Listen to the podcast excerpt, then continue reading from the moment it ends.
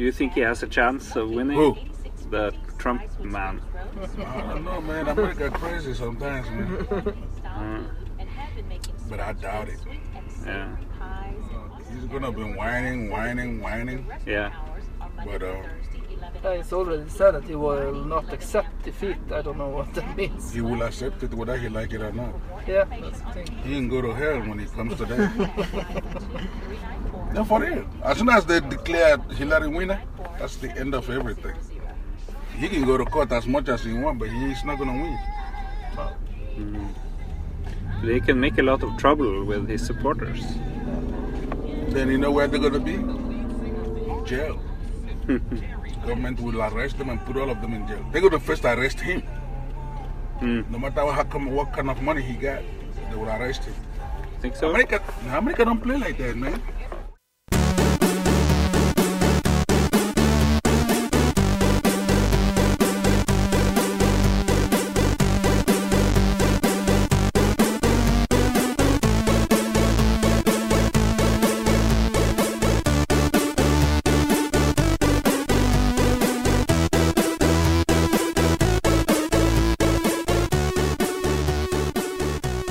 Kjære Lolbua-lytter. Vi beklager eh, dypt her i Lolbua for at vi har vært fraværende i et par uker. Altså midt på høsten. Det er liksom ingen unnskyldning. Føler vi da for å droppe en episode midt i sesongen. Eh, så fra meg, Jon Cato, jeg beklager masse. Eh, ved siden av meg så står min kollega Lars. Han står og bukker dypere enn Sony-presidenten noen gang har bukka. Eh, hva sier man i Japan når man unnskylder seg, Lars? Hayaku harakiri! Yes, vi har feila. Vi, har, eh, vi har ikke klart å opprettholde produksjonen med en episode i uka. Og det kan få katastrofale følger, eller hva, Magnus Tellefsen? Hva sier de på Sørlandet når de unnskylder seg? Uh, nei, hva sier jeg? Jeg sier uh, fy, fy filleren. Ja, fordi vi har jo altså, det, er jo en etablert eh, teori for at hvis du skal bygge lyttemasse på en podkast, er det viktig bare å holde produksjonen i gang. Lag noe hver uke. Få det ut. Få det frem. For da blir, du, da blir folk vant til at OK, nå er det fredag, jeg skal høre på Lolbua. Og hvis det begynner å bli sånn oppstykka, og nei, denne uka orker vi ikke, og sånn, så faller de fra. Det er akkurat som en sånn her eh, Det er akkurat som han kompisen som du skal møte hver helg og gjøre noe gøy med. Når han begynner å få seg dame, og så har han ikke lenger tid til å komme og spille PlayStation med det hver lørdag. Så, så blir vennskapet får litt sånne brister. Det er sant, det. Det er sant, det. Eh, vi har vært på reisefot, to av oss. Eh, tett program, alle tre, så det har glippa. Jeg har for så vidt masse opptak eh, fra Bergen, eh, der jeg besøkte konsoll, bl.a. med vår number one fan Jan Christian Hegel. Det tenkte jeg å spare til en sånn liten ekstraepisode før jul. Litt sånn julegaveepisode, intervju med, med Hegel. For han er jo blitt uh, Han er vel styreformann i, uh, i uh, Hva heter det? Game, Game Makers uh, Spillmakerlauget. Spillmakerlauget, ja. Spillmakerlauget Vest. Han har tatt over der. Så han, er, han driver og vokser innen spillmiljøet, særlig på Vestlandet, da. Men det begynner å sette spor etter seg. Vokser inn ubetalt arbeid. Det er jo bra. Ja, nu vel. Det er, det er mye verdi i ubetalt arbeid, Lars. Det er det helt sikkert. Sier vi som sitter her gratis og produserer podkast. Det her tjener vi dritmye på. Eh, vi skal ha en liten reisespesial i dag. Vi har jo mye å berette fra, fra alt vi har opplevd i det siste. Jeg har f.eks. vært i Bergen på konsoll, der jeg møtte Tim Schafer og, og gjengen. Og så har jeg vært i Paris i flere dager på en sånn eh, businesskonferanse i Paris. eh, Businesskonferanse. Ja, det er sånn spillbusiness er noe annet enn en spillmesse. Ja. Altså det er ikke E3, for å si det sånn. Jeg tro- trodde det var sånn konferanse for alle som drev med business. Ja, ja. Business eh, 2016 har det vært på. Business og bagett, er det ikke det den heter? Ja, det er mye bagett i, i Frankrike, du har rett i det. Uh, mens Lars, du har vært i, i eh, Austin. Kanskje vi skal yeah. begynne med Bergen først, da. Og så kan vi reise til utlandet, Austin, og så en tur innom Paris. Mm. Du har ikke vært noen steder, Magnus, har du det? Nei, ikke, ikke som jeg kan skryte så veldig av. Jeg har vært på Fornebu. Jeg føler ikke det teller som uh...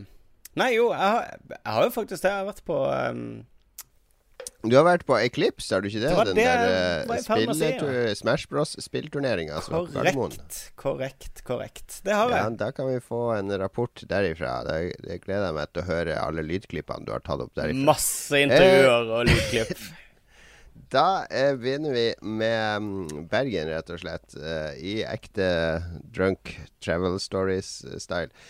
Vi bruker å dra til Konsoll i Bergen. Konsoll er sånn eh, årlig festival som eh, Jeg tror femte år i år. Mm. Der de alltid Det pleier alltid å være en fra Double Fine der. Han Lee Petty har liksom vært der tre år på rad. Uh, og i år så hadde han tatt med seg Tim Shafer, og Shafer hadde med seg kone og barn. Og, og han Greg var òg der, og, og ei som heter Anne, uh, som er programmerer. Så de var liksom eh, fire stykk fra Double Fine. det viste seg jo Tim Shafer, bestemora til Tim Shafer, er jo fra Bergen. Ja, leste det på eh, Pressfire. De hadde et fint intervju med. Ja, jeg så det. Så det var jo litt derfor. De var ute og sightseea, og eh, vi spiste middag sammen en av kveldene. Og veldig hyggelige folk. Men vi dro nå over eh, Vi dro egentlig over for den middagen og møte de, fordi Krillbite har jo eh, Vi har litt tette bånd til Double Fine. Vi har jo sittet der og jobba før jeg begynte å jobbe der, så fikk, fikk vi jo sitte i studio Eller fikk vi sitte i studio deres i noen uker, og, eh, og vi bruker de jo De gir jo feedback på ting vi lager, og grafisk stil og alt mulig sånn. Så det er veldig kult å ha noen sånne å, å kunne henvende seg til når man har spørsmål. Ja, definitivt. Uh, Så kan du jo bidra med musikk òg, fordi han der Lee Petty han lagde jo den der Free Falling og masse bra kjempesanger. Vet jeg. hva, hva snakker du om? Det er eh, Lars er på eh, jeg vet ikke På- hvor mange øl og døgnvill og berusa fordi det nært forestående valget. Kjenner dere ikke Eh, husker Lee vi- Petty? Det er jo Ja, ja. Ja. Men uh, mm. Dere er jo elendige. Han heter Tom Petty. Ja. Ingen som kan amerikansk Ja, men det var ikke han som lagde de låtene. Det var Tom Petty and The Heartbreakers Burn! Lee Så, Patty eh, and The Double Fines, tror jeg de heter okay, før okay, de dårlig vits. Det er et- Dårlig Det er et annet band. Vi kjørte over fjellet, fullstappa bil som vanlig. Uh, kom til Bergen eh, innlosjert på to Airbnbs. Det var litt morsomt, da, for vi var ti stykker fra Krillbite der. Så vi hadde bestilt to Airbnbs som på kartet er sånn her eh, 150 meter fra hverandre. Uh, det eneste kartet ikke sier, er at det er sånn 200 meter høydeforskjell. Fra, fra den ene til den andre, da. Så på forhånd så hadde alle valgt hvilken de skulle bo i. da Så så alle de som hadde valgt den øverste når vi kjørte opp alle de sikksakkveiene opp dit. Bare sånn maska begynte å henge litt sånn Skal vi bo helt her oppe? Og sånn. så det, det var litt, uh, litt morsomt. da Det er ikke, ikke bare bare å gå hjem fra byen når du skal opp 200 meter fra, fra der du er, i kjempebratte bakker. Men vi fikk nå losjert oss inn. Det var en sånn velkomstfest oppe på eh, andre etasjen på et sted inne i den gamle kjøtt, kjøtthallen. Og eh, det må jeg jo si, når jeg har vært på to sånne fester i Bergen, at alle utesteder i Bergen ser ut som danskebåten, er min konklusjon. eh, det er sånn vegg-til-vegg-teppe, og så masse stoler og sofaer. Og det er akkurat som når du kommer inn i baren på danskebåten. Den der litt cheesy eh, 80, tidlig 80-tallsstilen på alt.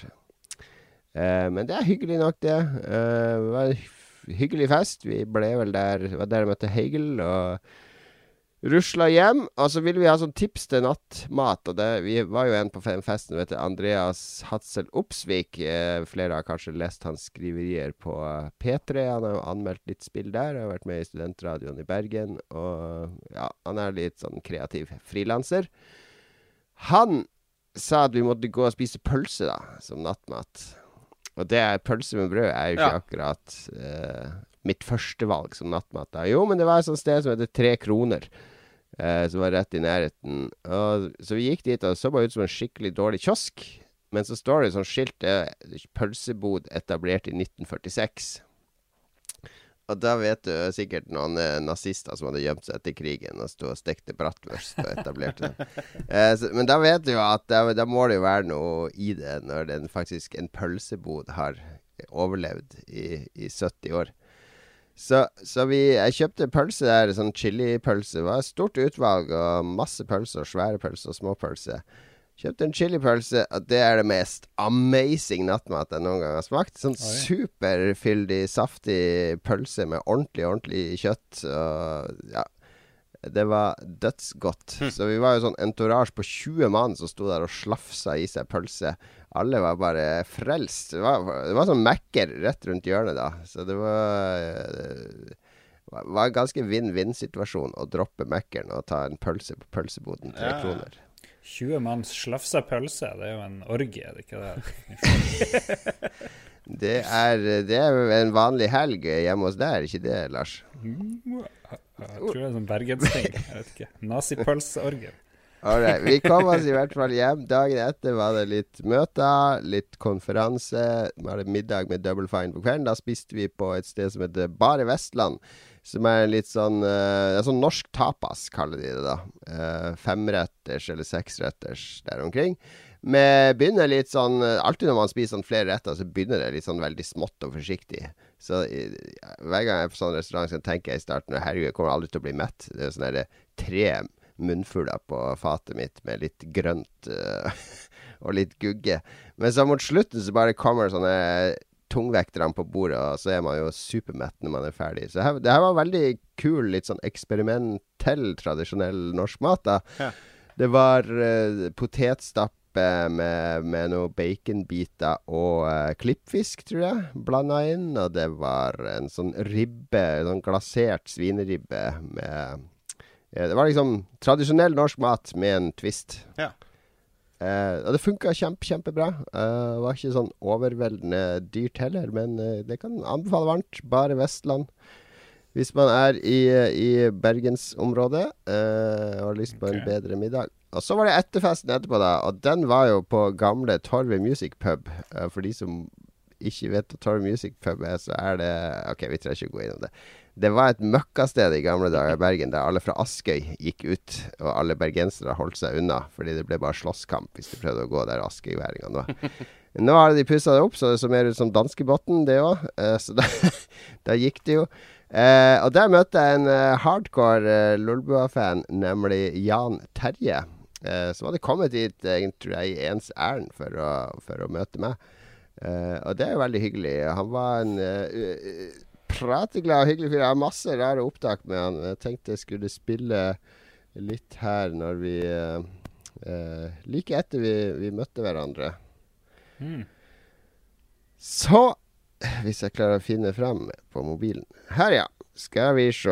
Eh, altså, jeg skal spille det her, og så eh, Vi prater så mye skit, så jeg må spole Vi får, får ikke sånn kjempelangt. Eh, beklager til deg, Jan Terje. Det er mye gull her. Men eh, vi hører litt på i starten, og så skal jeg spole litt fram, for jeg gir han et sånn vanskelig dilemma på slutten, så vi får se åssen han løste det. Her kommer i hvert fall Jan Terje.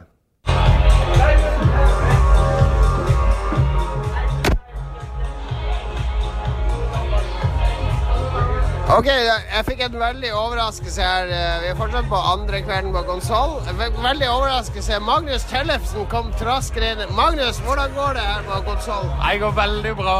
Veldig bra. Veldig bra. Er det sånn eh, good og fett eh, bra, eller? Ja, ja, ja. Men bare du drikker veldig mye øl, så, så er det mest Da går det meste bra. Vi klarer ikke å lure lytterne. Jeg har møtt en ekte kristiansander Ja. i Bergen som jobber i Trondheim. Har jeg fått det riktig? Ja, det stemmer. Ja, Det har, det har spredd deg ganske tynt. ja nei, jeg har det. Eh, det er noe sånn det går når du gifter deg og bare havner oppe i Trøndelag.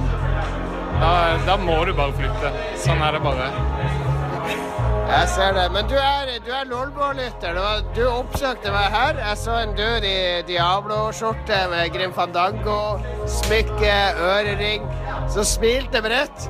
Og så bare Jeg må snakke med deg etterpå. OK, jeg kommer bort. Jeg tenkte Kanskje det var sånn level up-fan. Jeg møter mest level up-fans, jeg må innrømme det. Sånn gamle Og jeg likte trollolol og sånn. Og så kommer jeg bort og så bare sier Jeg er hardcore Lolbua-fan. Du, du, du er Lolbua-fan. Ja ja, det, er- det er nummer én. Det er helt klart uh, ingen tvil i det hele tatt, for å si det Hva, sånn. hva er bra med Lolbua, da? Eh, nei, det er jo at man liksom kan spille inn podkast når man egentlig ikke burde ha spilt inn podkast. Det er det som er best. At vi ikke har den der nødbremsa. Vi, vi stopper ikke ikke bare gønner på. Bare gønner på. Det, det, det er det beste. Det er liksom, eh, som jeg sa tidligere, det er level up for voksne. Da. Level up uten filter. Ja, absolutt. Det er det, det er det jeg liker. Jeg setter veldig pris på det. stenger de her nå? De slutter, kan ikke stenge 0041. Nei, jeg har nå nettopp fått øl, så jeg tror All right, lo, uh, level up for voksne. Det er jo bra, det er bra ja, den- å få. den kan vi leve det med. kan vi ha hvis vi lager plakat en gang som et sitat fra, fra Jan Terje. Eh, Visittkortmateriale. Jeg vil gjøre mer. Hvordan får vi tilgang til de her opptakene eh, på noe vis? Det er en del som må sensureres her, dessverre. Så du hørte hva det er 0043 på natta her. Det er jo ingen etter- bremse, drev du og skrøt av. eh, akkurat Ja, ja, er- plutselig så er vi inne og jeg har dessverre noen bremser. Jeg har eh, dessverre familie og uh, jobb og andre ting å tenke på. Men, uh, men jeg, vi skal, jeg skal se om jeg finner fram her eh, mot uh, slutten Uh, eh, Er det nemlig Er det nemlig noe gull å finne? Hm. Klipp litt uh, lyd her, Lars. Ingen klipp her. Nobody cuts. Nope. Daddy! Vi skal, vi skal få uh, Anonymous eller Wikileaks til å finne de opptakene dine. Jan Cato. Yes. De ligger på en uh, privat, uh, privat server, jeg er ganske Ja. sikker på. Så lett tilgjengelig. Putin, Putin fikser det. All right. Eh, hvis du kutter inn lyden her. Men nå eh, må, Jeg hadde prata med han i ti minutter, så jeg tenkte jeg skulle gi han et lite dilemma på slutten. Vi får se hva som skjer her. Lolbua entourage, men så har vi et sånn enda mer indre enn de som er på hytteturen hvert år. Og i den gjengen så har jeg en agenda om å ødelegge Airbnbs. Ok, det, her var, det kommer det, det er ikke så interessant med en Airbnb-agenda. Ja, du hater Airbnb. Jeg hater Nei, jeg, eh, jeg har en skjult agenda rundt Den er Airbnb. ikke så skjult lenger. på en betaler ikke nå Nå. Nei. Det er alltid minsteverdi. og det er, jeg, OK, la oss ikke gå inn på det nå. Jeg, jeg føler jeg må forberede det her litt bedre. Takk Gud for klipping. Takk, Gud. Jeg klipper aldri. Jeg, bare, jeg sender det til Lars, så får det gå som det går. Det er løgn. Dette blir gull for Lars. Dette liker han. Nå må jeg komme, avslutte med litt sånn vanskelige spørsmål. Altså, nå har du møtt meg. Du vet Hvem ville du helst eh, dratt på en øde øy med i en uke i Lolbua? Og ikke si meg nå, det blir en åpenbar spissing. Men det er jo veldig urettferdig når vi ikke har truffet noen okay, Hvis du må velge mellom Magnus og Lars, hvem, hvem føler du at uh, Hvis du måtte velge en av de, skal på øde øy en uke, hvem velger du? Det blir veldig dårlig gjort, men eh, jeg ville faktisk valgt Lars. Fordi at jeg kjenner så mye folk fra Kristiansand, jeg tenker at det blir mer anonymt hvis jeg drar med han, da. da han har ikke Det noe er veldig, veldig godt svar. Jeg vet at Magnus bare blir bitte litt såra nå. Ja, nei, men det, det får heller våge seg. Jeg, jeg, jeg tror på et vis at eh, at vi får representere Sørlandet på hver vår kant. Ja, ja, ja. Jeg er politisk riktig. Ja, Det her, det er- her er bra. Det er sånn er vi på Sørlandet, Det er, Clinton, det er Hillary Clinton eh, som taler nå, ikke Trump. Ja, nei, vi, vi prøver bare å gjøre folk glad. Sånn er det vi opererer her på Sørlandet. Det er, det er Palmekysten, som vi kaller det. Veldig godt. All right. Vi avslutter der uh, fra konsoll her. Vi har møtt en. Han er veldig glad i meg og uh, Lars, så da har du den, Magnus. Tusen takk for oss her. Vi snakkes snart. All right, det var litt, litt sårt. Det var, det var god sørlandsk diplomat, eh, diplomati vi fikk eh, se i aksjon der, vil jeg si. Men, Men det som var litt morsomt der, var at det her eh, Jeg så jo at det var veldig ukomfortabelt for Jan Terje å måtte ta stilling her. Eh, så etter han hadde grubla i fem minutter, så ville han gjerne utbrodere begrunnelsen eh, litt. Så, så det er en dypere grunn til det, og den skal vi få høre på eh, eh, her. All right. Vi har nettopp uh, Vi har nettopp fått en, et scoop her. Et scoop her. Så um, OK, ta det fra starten av. Du, du, du var uh, fan av Lolbua og tenkte hvor man Det er kule folk. Ja, veldig kule folk. Ja, la, la meg adde en av de på Facebook. Ja, det går sikkert bra. Jeg tenkte liksom han fra min by, det må jo gå bra. Han fra, han fra Kristiansand. Ja, Vi hadde litt felles venner og sånn, så tenkte Ja, jeg ja, dette går bra. Så det bare tok Han var veldig sånn forsiktig og trykte det add, add as friend. Tryk- Trykka på Magnus da, sånn legg til som venn. Men jeg ble kassert med en gang. Det var bare ja. Ja, Ja, bare Magnus bare ja. kasta deg i ja det, det, var, det var søppel. Og, og det var litt av grunnen til at du valgte Lars foran Magnus på den øya. Jeg må innrømme det. Ja, jeg må det. Det, det er sant. Jeg skammer meg, men det er sant. Men det, kan jo være noe sånn intern i Kristiansand. Er du fra Magnus er jo fra Voiebyen. Er du Jeg er jo fra Tveita, så det kan være noen sånne greier der. Ja. Ja, for det, det er mye intern strid i, i, i Kristiansand her. Ja, jeg bare flytta fra hele greia, for det, det ble for mye, rett og slett. Det kokte over.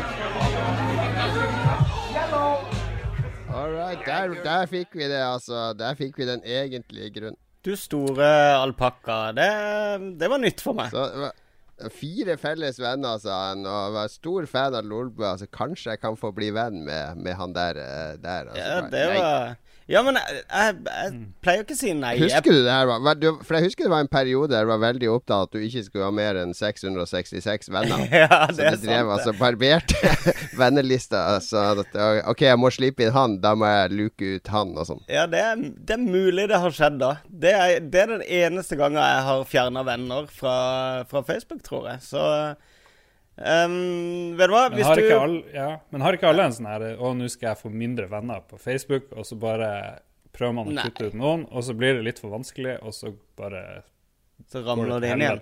Ja. Men, men uh, uh, det husker jeg faktisk ikke at jeg har gjort en gang. Men ehm, Så, så Jan Terje er velkommen til å prøve på nytt. Nei, nå er han jo ikke det. Nå vil han jo ikke være på ei øde øy med meg. Nå er alle, brenne, alle broer er brent. Men, eh, men eh, OK, Jan Terje, men hvis du vil bli venn med meg og Lars, vi, vi aksepterer. Så det er bare å sende. Veldig, Nei da, du skal få lov eh. Du skal få lov til å sende en ny friend request. God damn. Jeg visste ikke at jeg hadde gjort det engang. Det var nesten litt pinlig, for jeg pleier å akseptere de aller fleste sånn. Egentlig burde Ja, jo du nei. prøve å bli venn med Jan Terje. Ja, jeg burde egentlig det. Ja. Vi er i hvert fall veldig hyggelig fyr. Jeg møtte en annen Lolbua-lytter òg der. Han viste meg et mobilspill han hadde laga som var superproft. proft, Sånn shoot em up-spill som ikke var lansert ennå. Så Ja. eh, morsomt å møte Lolbua-folk når jeg er ute på tur. Det må jeg si. Eh, var det noen Lolbua-lyttere i eh, Austin, Lars? I Austin? Nei, men jeg var på halloweenfest på lørdag eh, som Trump-supporter. Jeg går, sitter jo nå for de som Ja, for du har jo støtta Du er den eneste som, som faktisk fysisk har støtta kampanjen ved å kjøpe Trump-merchandise, som da går direkte til å ødelegge verden. Ja, jeg har gjort det, og jeg kjøpte tre capser faktisk, for å være på den sikre sida. Jeg regner jo med det her blir eh, veldig populært å ha på seg. Litt sånn gule Litt sånn, sånn nazimemorabilia Ja, litt er sånn Ja, om 50 år. vi må trekke nazitråden. Nei, så det var koselig. To fra, fra Hvor de var fra?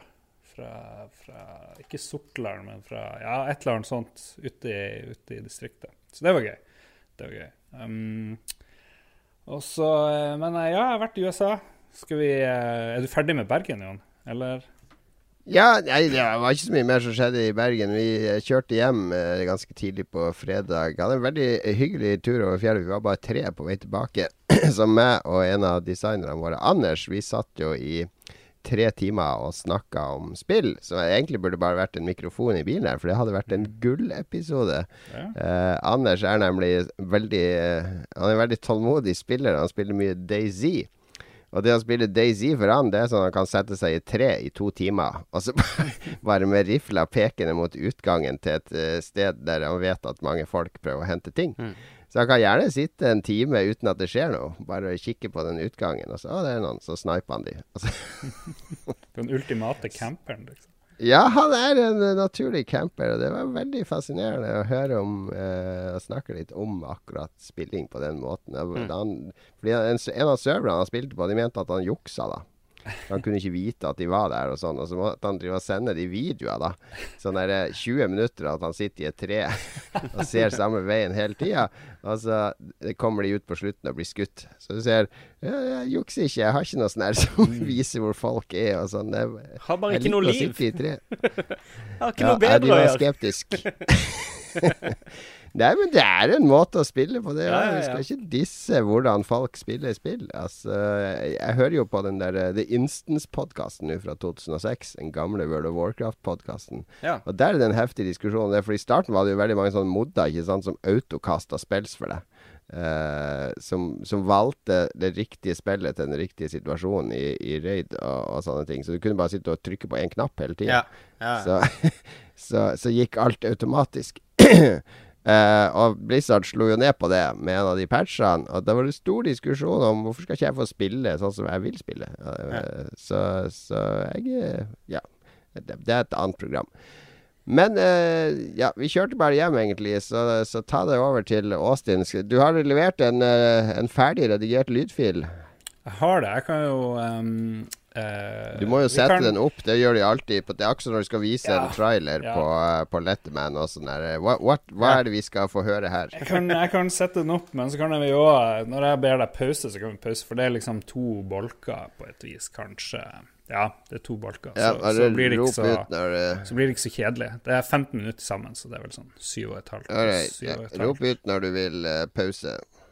Gi et signal. Ja, sett den opp. Ja, ja. Er, datoen er 17. oktober, og alle fire som skal være med til USA på Formel 1-tur, vi skal være der borte.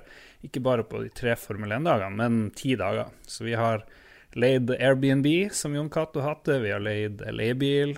Eh, vi har noen dager hvor vi ikke vet hvor vi skal, og så bare burner vi av gårde.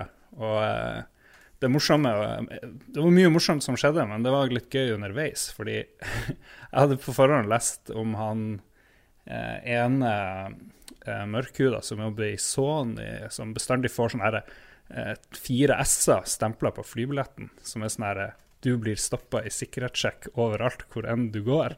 Og det fikk han ene hos oss, han Kalle, som tydeligvis er, er sånn profiler på et eller annet vis. Så han ble stoppa både i Oslo på turen ut, han blir, han blir sånn nervøs og eh, begynner å svette lett og sånn. så, så mens vi sto og liksom lo og var litt sånn smånervøs eh, først, så måtte han inn på sånne diverse avlukker hele veien. eh, I Oslo var det jo greit, men når han ble stoppa i USA, så bare what, hva som skjer? For det var jo ikke før da vi så, jeg så den der SSSS-greia på flybilletten hans.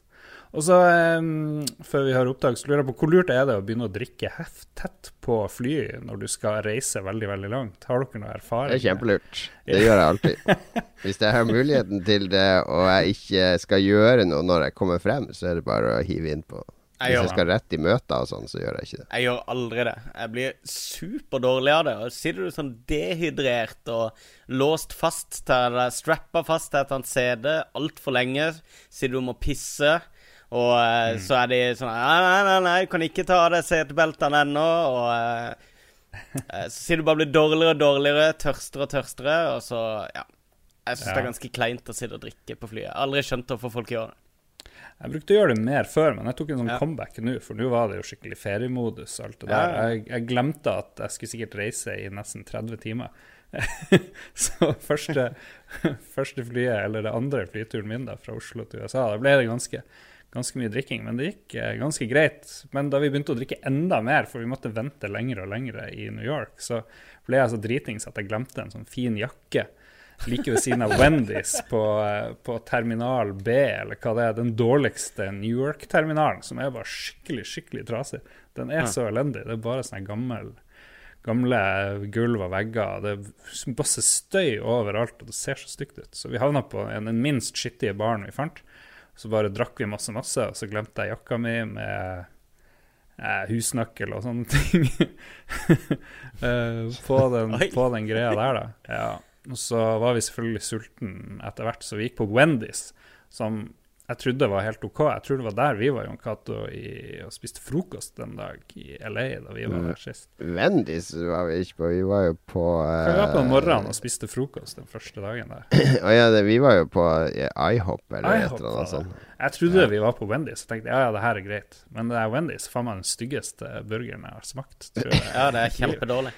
Ja, IHOP er ikke noe kulinarisk opplevelse det heller, men de har jo sånn tradisjonell frokostmat, i hvert fall. Ja, ja. ja.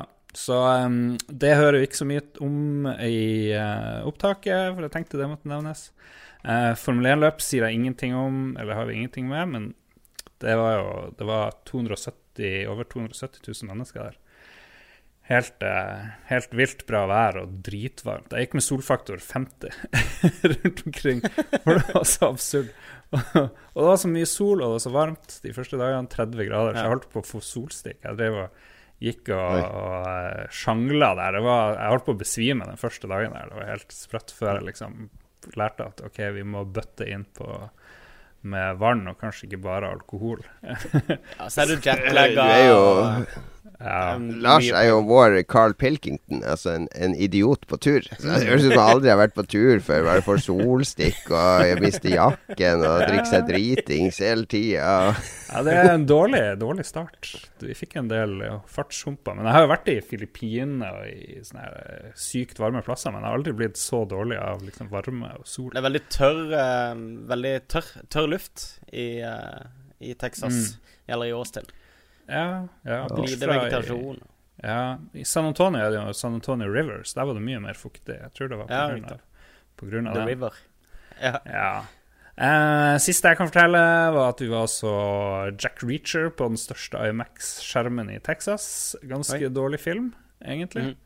Eh, men det morsomme var jo etterpå, fordi vi var jo fire, og bare tre av oss gidda å se den filmen. For alle tenkte at ja, ja, det her gjør vi bare fordi alle andre planer gikk i drit, egentlig, i San Antonio. Så, så han Kalle, han fjerdemannen, han gikk på Hooters, da. Eh, Kalle er litt glad i Hooters, syns han er gøy. Coyote Ugly syns han òg er ganske morsomt. Så når vi kom på det her Hooters, så sa han at OK, nå har jeg venta og venta, jeg trodde dere aldri skulle komme, fordi nå er jeg bare så full. Å, skikkelig dritings. Han var så ufattelig dritings på Hooters. Og jeg skjønner ikke det her Hooters-greia. Uh, Hooters er jo helt forferdelig. Det ser, det ser ut som du er på sånn der uh, uh, Samfunnshuset, bare at alle damene går med sånn der T-skjorte. Fordi det er jo så Mm. Det er sånn veldig opplyst. Det ser ikke ut som sånn utested. Det er sånn der Det ser ut som du skal ha et møte der.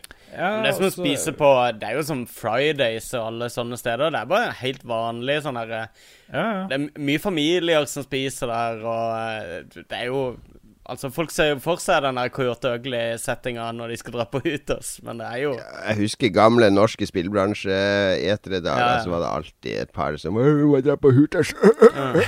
Ja, første gangen så var det litt ille, for vi var, jeg måtte på do, så vi måtte bare springe inn på Hooters. Så True story.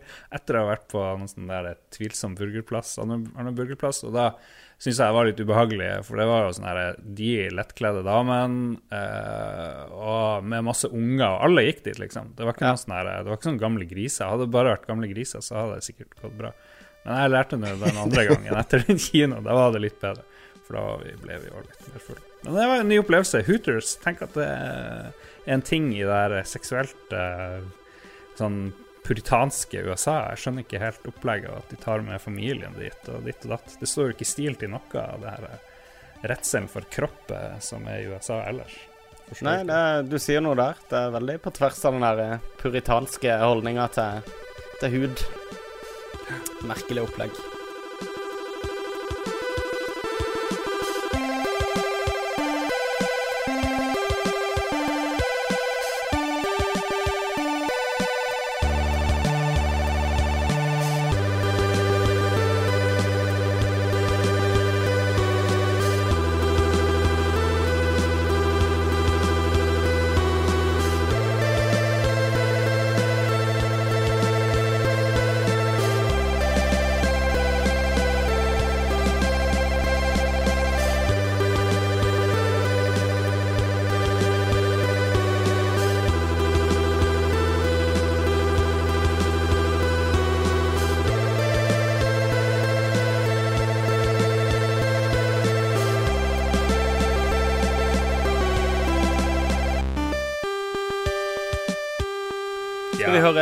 Eller? right. Ja, kjør på. Ja, det lengste opplegget jeg har hørt Ja, det var i mitt ikke noe- liv. jo, Nå skal vi få lenge. Jeg hadde jo mye å fortelle.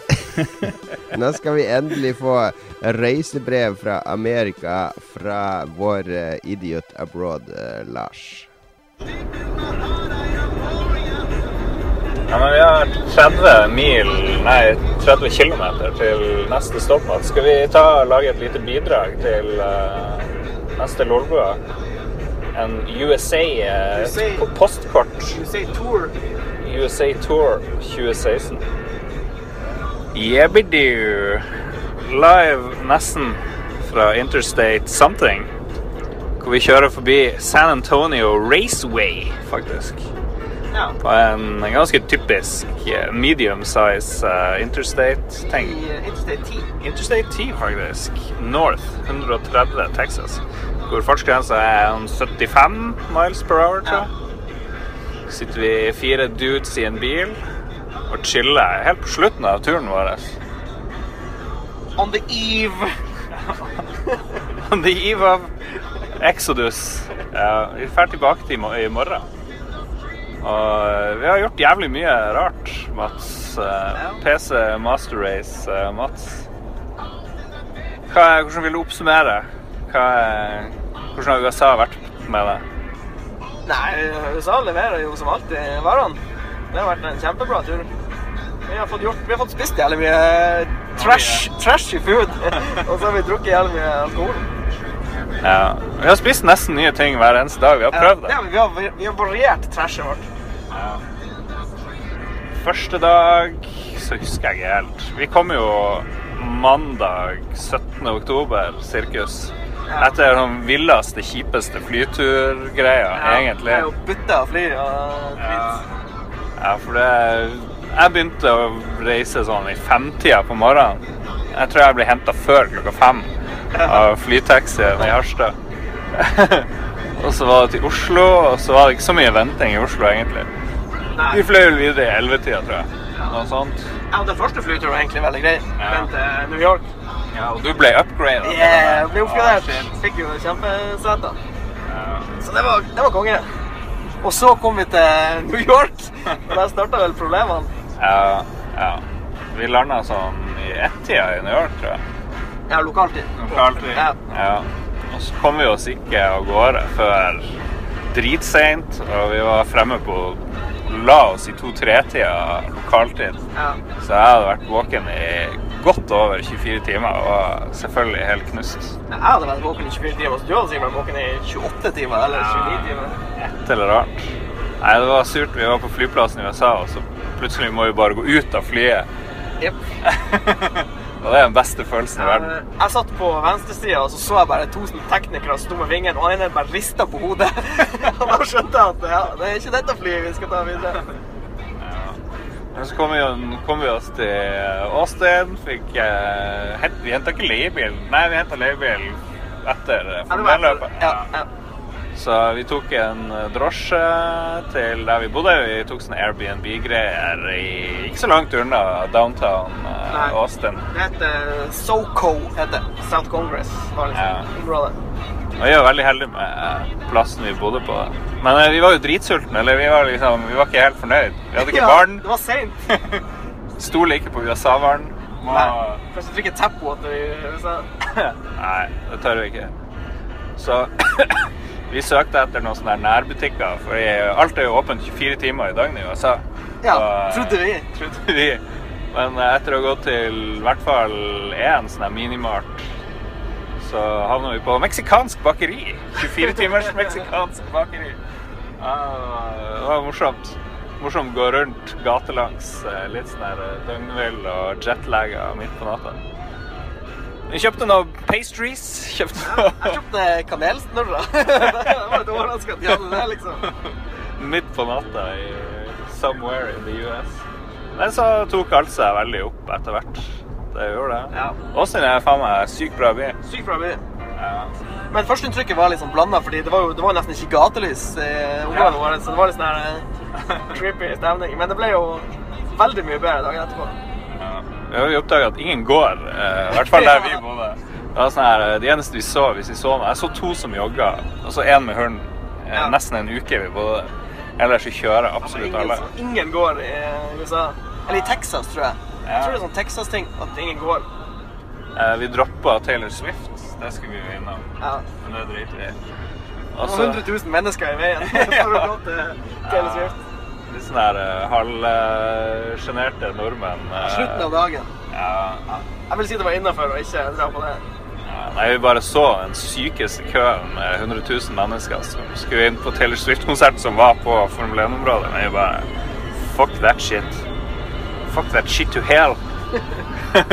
så, men så skulle vi videre til San Antonio, fant vi ut etter hvert.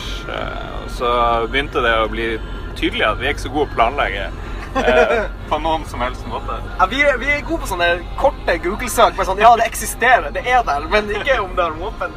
Ja, fordi hele grunnen nesten til å dra til San Antonio var å dra innom Six Flags, som er en sånn fornøyelsespark med masse kule ting. Jeg var på en sånn i LA. Men eh, vi kom frem, viste seg når vi kjørte inn til San Antonio eller noe sånt, så vir- virka det vel som om det var stengt. Ja. Ja, det var kult. Og så klarte vi å bestille hotell, forskjellige hotell.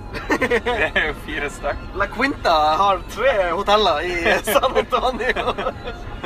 Ja, vi klarte å bestille på to forskjellige. Heldigvis så fiksa han det i lobbyen etter litt svetting. Um, samme hotellet klarte jeg å glemme sånn rundt 100 dollar og et mastercard. For jeg bytta rom. Jeg fikk sånn sump, det lukta mugg og drit i det rommet, så jeg ville bytte. Spesielt etter jeg så deres rom, var tusen ganger Tredje bedre. etasjen oppover var pussa opp. Ja, så Det fant de aldri igjen. Så noen eh, 100 dollar og et mastercard rikere på min regning. Ting var det som var stengt, som vi Uh, Enchanted Rock på tur Ja, til. San Antonio. Ja, det begynte på tur til San Antonio. Vi skulle innom noe sånn her verdens største Eller en eller annen sånn granitthaug. Ja. Ser jævla kult ut. Svær granittstein. Veldig fint område på veien mellom Austin og San Antonio. Så mens vi kjørte bortover der, så googla jeg litt, og ja, ja, det var stengt. Hele parken der var stengt pga. wildlife management. Ja, ja maintenance eller management. Det er sikkert Ja. management. Ja, ja. Det var starten Ja, det var start. at ting er stengt. Ja. Nei, men det Og nå er vi på vei til firing range, som vi ikke har fått kontakt med, men De har åpent, Lars! vi tror de har åpent, kanskje. Ja. Kjører vi inn til San Antonio i kveld og drar innom uh, ABGB, var det det? ja. Sånn Austin Brewery-plass som har verdens beste pizza. Vi var der, så vi skal avslutte hele driten med å avslutte med middag der hvis vi ikke blir drept på veien her. Eh, you never know. Jeg skal prøve å ikke få drept. Jeg gjør mitt ytterste. Ah, shit. Er det noen som har noe å bidra med i baksetet? Jeg syns jeg oppsummerte veldig godt. Veldig bra tur. Veldig bra tur. Ja, Tommel opp. Tommel Tommel opp. opp for USA 2-0. Ja, absolutt. USA fortsetter å levere verden. Ja, fy faen. party of corruption and dirty deeds. And we need to throw them out and we need to elect Donald Trump. And I'm sorry that the, uh, uh, the never Ok, nå kan du pause litt, eh, Jan. Det nå det begynner å bli litt sånn weird eh, på, på det her opptaket snart. Det, det Jeg håper ikke for mange vet som hører der, hva som skjer videre. Men eh, vi drev nå og kjørte der og var på vei til sånn firing range eh, etter vi dagen før vi skulle reise hjem. Og så eh, Vi hører litt på radio og koser oss. Det er jo kjempegøy å kjøre på eh, amerikanske highwayen. Og så finner jeg ut at «Oi, vi har ikke snakka nok om Trump, så det må jeg gjøre. Så, men så skjer det noe veldig plutselig.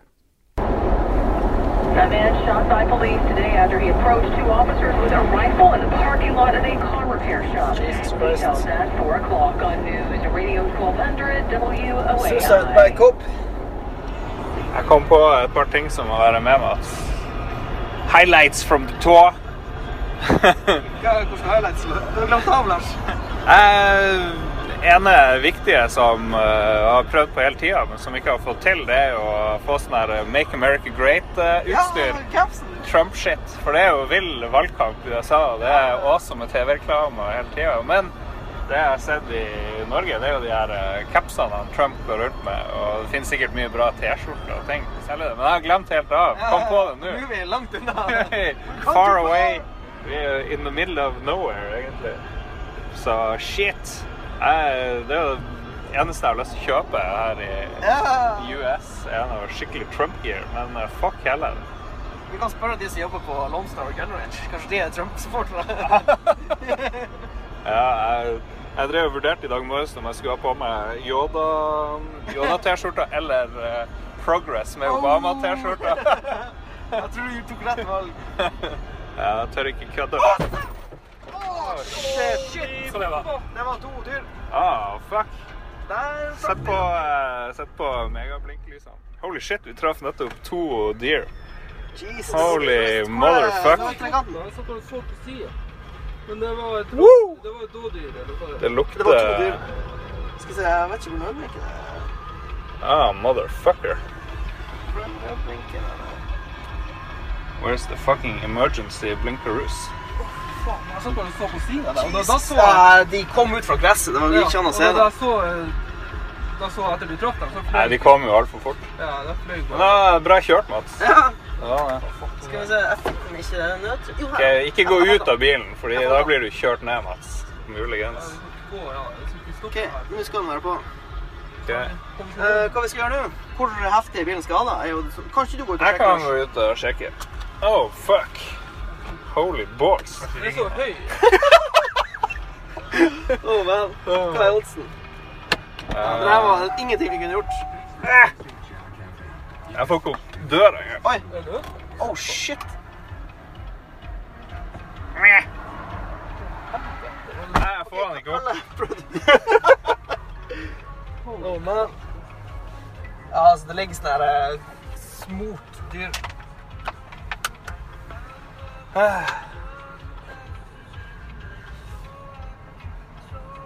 Ok, det er jo 85 miles per hour-greier her, så vi må være dritforsiktige. Ja. Ingen går ut på den sida Nei, ingen går ut på venstre side. Kommer du deg ut, Kalle? Ja, da jeg får på sko. Jeg ser det ligger sånn skrått der bak. Jeg tror vi mista altså alt som er av den der plastspoileren. Jeg tror jeg for til helvete. Og tydeligvis noe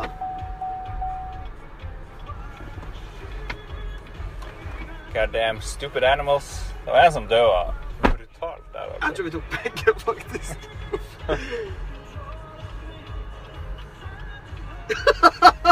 jeg liker ikke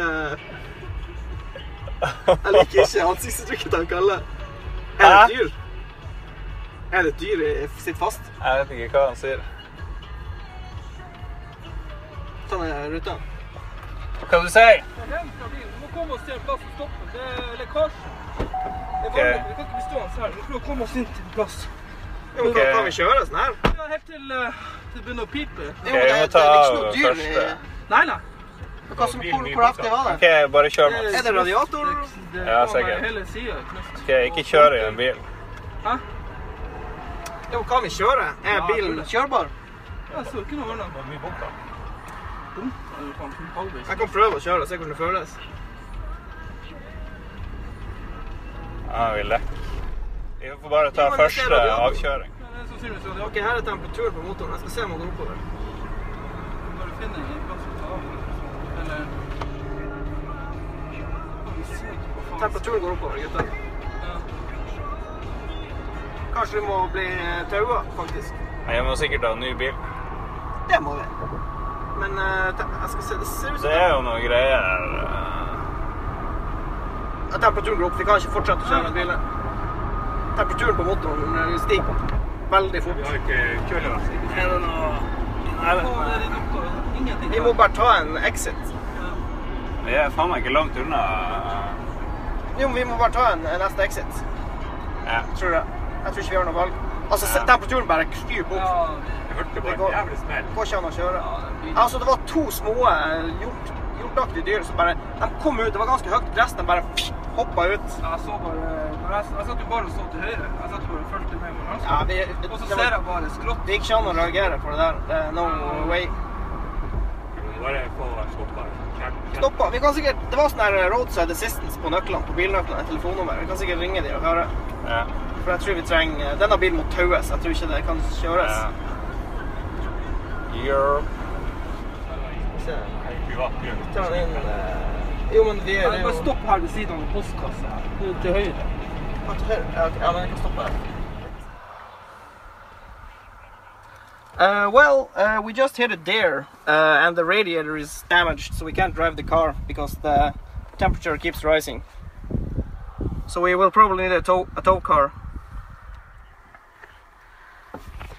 It's uh, it's 10 uh, 540 San Marcos Highway, close to Lockhart. Uh, Texas. Ah, Oi, oi, dramatisk. Er det noen uh, som lider av posttraumatisk stressyndrom etter hendelsen? Vi tok det alle usannsynlig eh, chill, syns jeg. Vi kjørte jo i 85 miles per hour, som er sånn 130-sone. Og vi lå vel ikke over det, men vi lå ikke sånn sykt langt under det. Vi traff to sånne, en ganske stor hjort og en sånn litt mindre.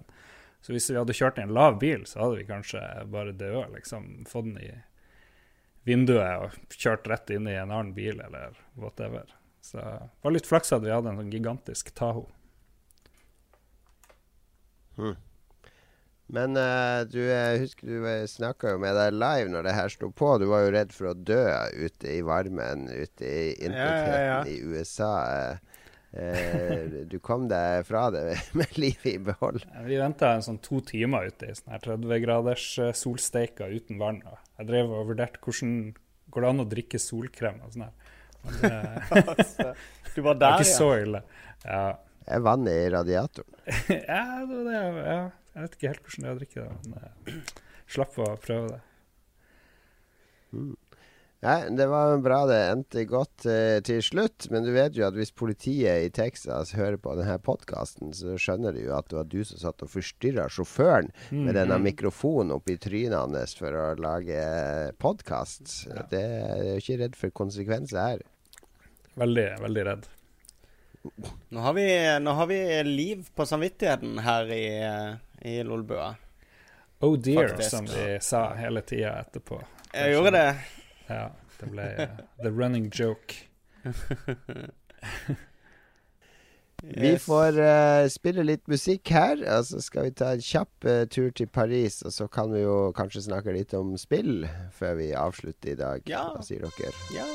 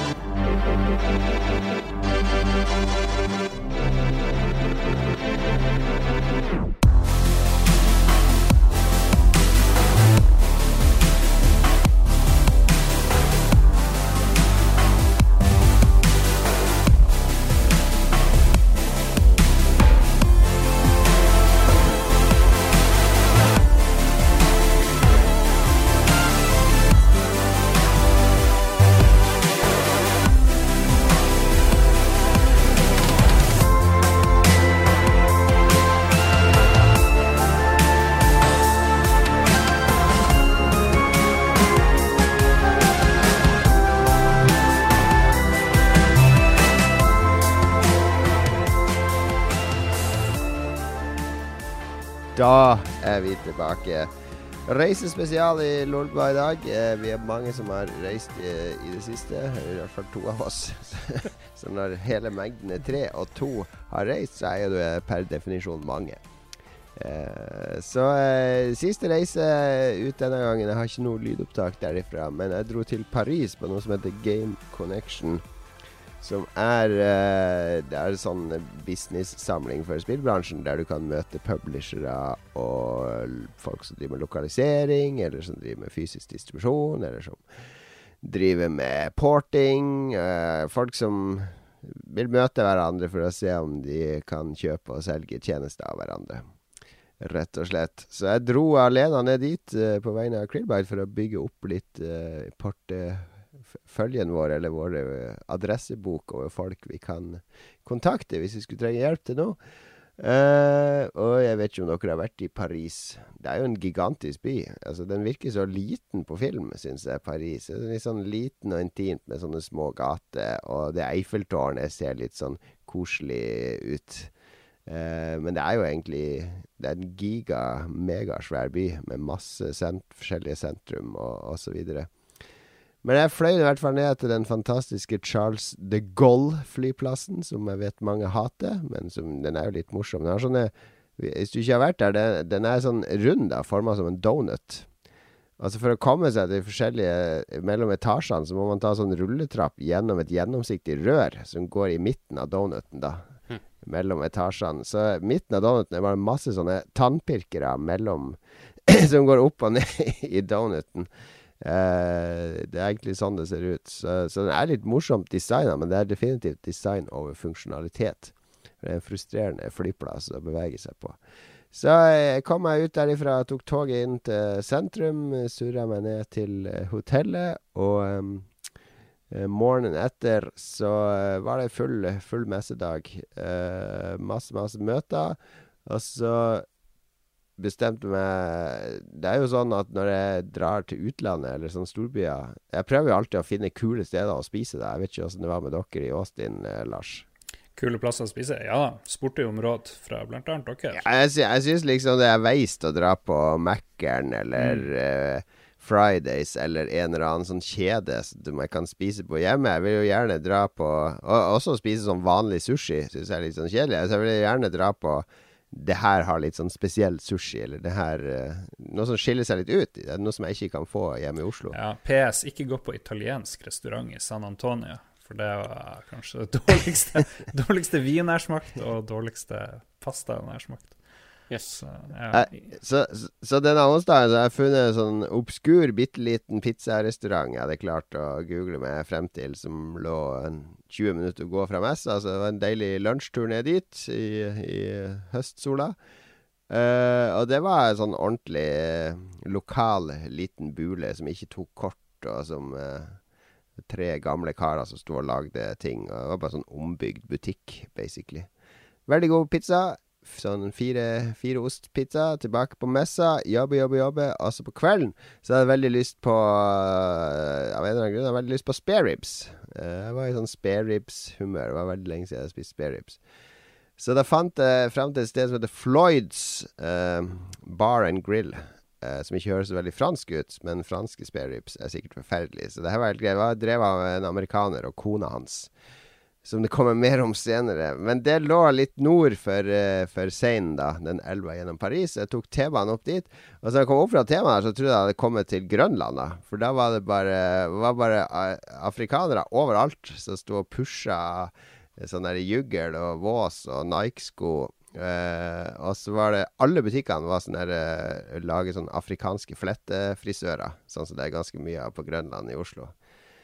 Så jeg bare jeg trodde jeg hadde kommet langt ut i, ut i en eller annen no go-sone. Vi hører jo så mye om disse no go-sonene i Paris og i, i Sverige og sånn. Mm. Så jeg bare OK, ja. Så, men jeg, Her er det folk med annen hudfarge. Jeg blir redd med en gang. Nei, men det var så mye støy og bråk. Altså, jeg er ikke så flink å rydde i gaten i Paris. Det flyter jo av søppel og papir og sånn, så det blir fort litt sånn guffen stemning. Så, men jeg fant det fram til denne Floyds bar og grill. Og den var et funn. For det første var jeg drakk en drink som heter Trainwreck i baren der. Det var liksom bar ved inngangen, og så var det bak, gjemt bak, så var det en kjempefin restaurant. Så jeg drakk noe som heter Trainwreck, en whiskydrink. De hadde spesialisert seg på old fashioned, som jeg vet Magnus liker. Så det er sånn seks old fashioned-varianter. Eh, drakk den, og så spurte jeg om jeg kunne spise der, da. Jeg skjønte ikke helt hvor restauranten var først. Jeg trodde man skulle spise i baren og sånn. Så ja, nei, det var fullbooka, men uh, det var noen som kom om 45 minutter. Så hvis jeg spiste kjapt, så kunne jeg få et bord. Så ja, jeg skal bare ha det ribsen. Så jeg spiste Det er ikke verdens beste ribs, men det er definitivt en av verdens beste sånne ribs-sauser jeg har smakt. Sånn, den hjemmelagde sausen til. Og de serverte det med mac and cheese. Jeg er jo en ivrig motstander av mac and cheese. Det er et sånn motbydelig vomfyll uten like.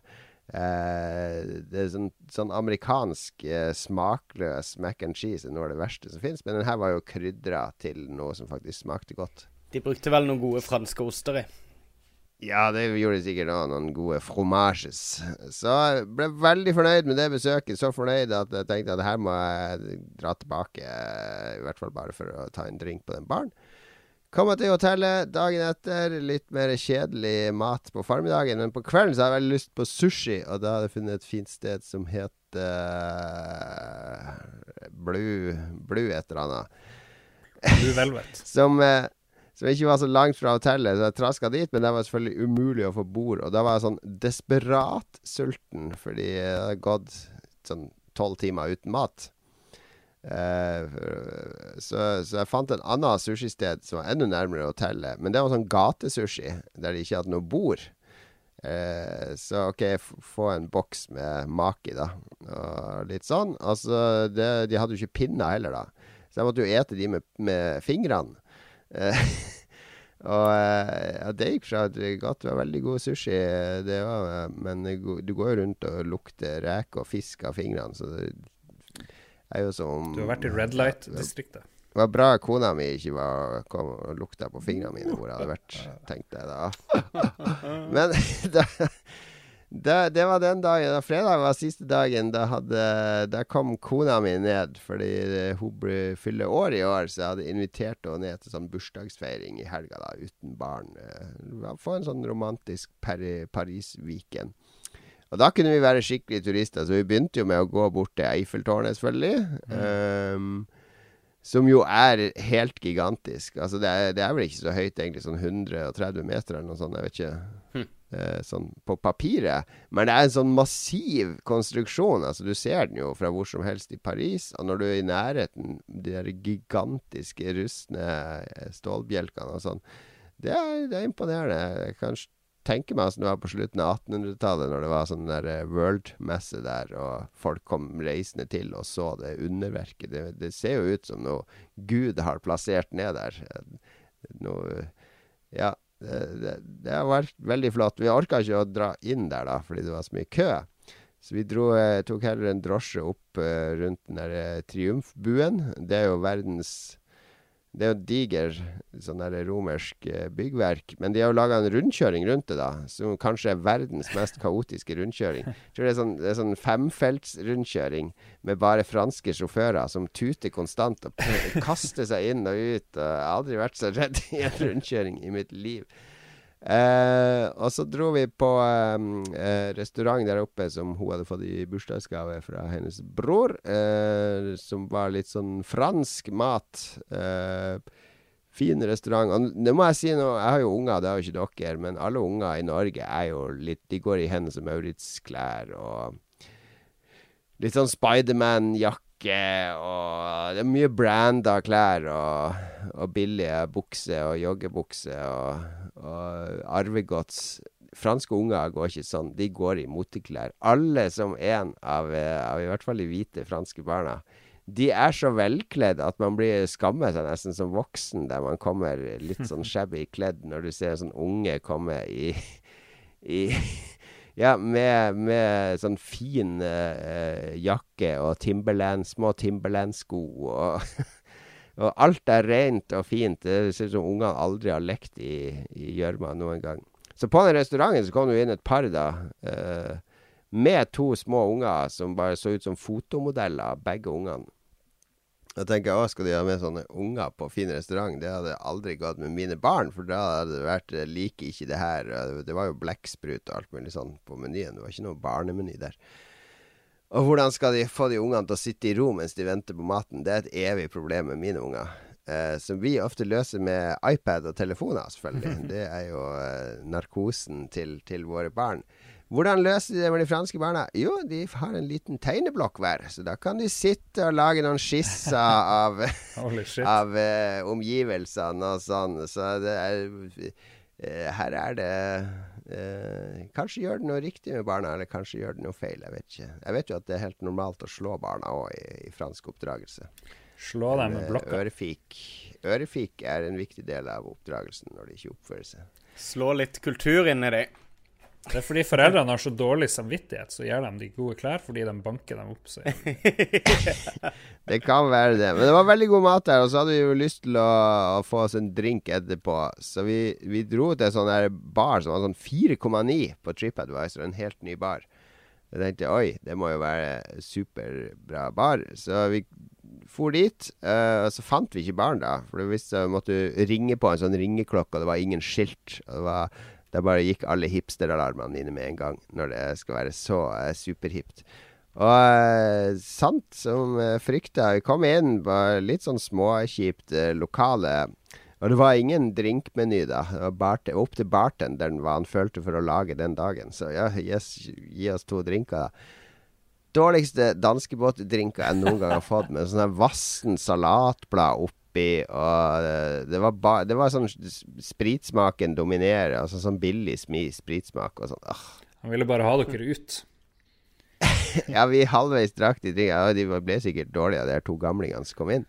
Så vi drakk halve drinken, og så tenker jeg nå tar vi en drosje bort til Floyds. Floyds Bar and Grill. uh, og det gjorde vi. Kom inn i baren der, og så viste det seg jo at uh, han amerikaneren som driver det, og kona, de jobber jo der hver dag. Og hun kona Vi satt ved bordet der, og hun bare 'Nordmenn?' Hun er fra Ålesund og har jobba tolv år på Moulin Rouge, utdanna danser eh, i Norge. Så vi ble jo sittende i to timer og ble skikkelig go godt kjent med hun, eh, hun fra Ålesund. Og alt om barn og Moulin Rouge og, og mye om Ga oss masse tips om Paris og sånn. Veldig, veldig hyggelig. Vi klarte jo å pløye gjennom De hadde et barkart med åtte drinker, og så seks uh, sånne old fashion-drinker. Vi klarte jo å pløye oss gjennom alle de åtte drinkene. da. Vi bestilte jo to og to, og så delte vi oss imellom. Det er, det, det er jo en del alkohol da, når jeg tenker etter, når vi dro hjem derifra. Så veldig, veldig gode drinker. Altså Floyds Bar and Grill, det kan ikke anbefales nok. Og hilse fra oss hvis du møter hun eh, norske i baren. Det, det var fredagen. Lørdagen var det enda mer turismeting. Notre-Dame, veldig flott kirke. Um, og så dro vi Vi liker å dra på museum òg, så de har jo et sånn eh, modern art-museum der. Uh, som er uh, tre etasjer med både malerier og gammel kunst og kontemporær kunst og masse utstillinger som stilles ut, skiftes ut hele tida. Jeg tror de sa at de hadde 100 000 kunstverker i samlinga, da. Så de roteres hele tida. Uh, og nå var det jo Det var Matisse der, og det var uh, Dali-maleri og alt mulig sånn. Jeg syns det er gøy å se sånn på ordentlig når jeg først er på tur og har, har muligheten til det. Altså var det han der um, uh, Tolord, eller hva han heter, han som har malt den der pipa. 'Sender på en pip'. Mm. Dette er ikke en pipe. Ja, det maleriet var jo der. Uh, han har masse Han har veldig mange kule sånne malerier som tuller med perspektiv eller med konsepter og sånn. Litt sånn humor i de. Så det likte jeg veldig godt. Og så var det en sånn russisk samtidskunstutstilling fra russiske kunstnere fra sånn 1950 til, til 2000. Og der var det mye bra. Det var mye, ja, mye på hjertet. Mye, mye friheter i uttrykkene sine. Kanskje den kuleste var sånn lang, lang rød duk som var dekket til, til middag for tolv. da. Så det var tolv eh, hvite middagsfat der. Og så bestikket var jo da en hammer og en sigd ved hvert fat. Det er, eh, er politisk eh, samtidskunst. Sånn liker jeg. Sånn liker jeg. Eh, det er mye, mye fint der. Og til og med Mathias Fallbakken var også utstilt der med eh, han har Jeg vet ikke om du har sett Han stilte opp åtte sånne garderobeskap attmed hverandre. Du vet sånne aluminiumsgarderobeskap som man har i svømmehaller og sånn. sånn med sånn blikk. Sånn Altså han tatt eh, to sånne bånd rundt deg, sånn der du bruker til å feste når du skal løfte ting opp i container. Og så har vi stramma de båndene så mye at de, de, de ytterste garderobeskapene blir skvisa inn i de neste, da. Så de blir skvisa sammen. Det er moderne kunst. Eh, funker. Funker for meg. Men eh, det som Så med Det som er gøy med eh, såkalt moderne kunst, er jo at det som var moderne kunst på 1920-tallet, er akkurat likt det som er moderne kunst i dag, egentlig. Det er samme Ja, videokunsten. bruker jo Samme møbler. Ja. Møblene som var moderne på 2030-tallet, er sånn som moderne møbler er i dag. Det er helt weird å se når du er på sånne gamle Ja, det går jo, går jo i, i bølger det der. Men uh, jo, Pompidou anbefales varmt. Uh, så spiste vi en bagett kjøpt på uh, Battorg i nærheten. Og så slappa vi litt av på hotellet, og så dro vi Da hadde jeg fått bord på den der fancy, eksperimentelle sushirestauranten. Um, som, uh, som var veldig bra, bortsett fra at uh, kelneren aldri skjønte at vi skulle ha vann og andre ting. Men de, de hadde litt sånn eh, karamellisert ål og, og andre ting som egentlig burde være veldig vondt, som var veldig godt. Så vi spiste oss supermett der. Og så skulle vi ut da og ta den siste øl, vi skulle dra hjem på søndagen.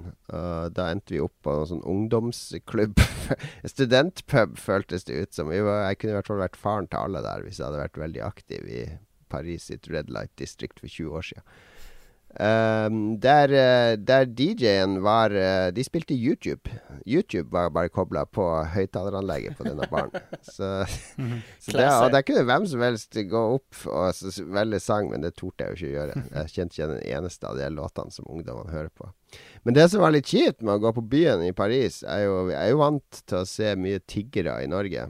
Uh, eller i hvert fall i Oslo. Det er jo mye tiggere fra Romania, det er litt narkomane og litt sånne ting. Det er noe du blir vant til når du bor i storbyen. Men det som vi så i Paris, når vi, gikk, vi skulle, når vi skulle gå mot denne baren, så går vi forbi en sånn svær uteservering der det sitter masse folk og drikker.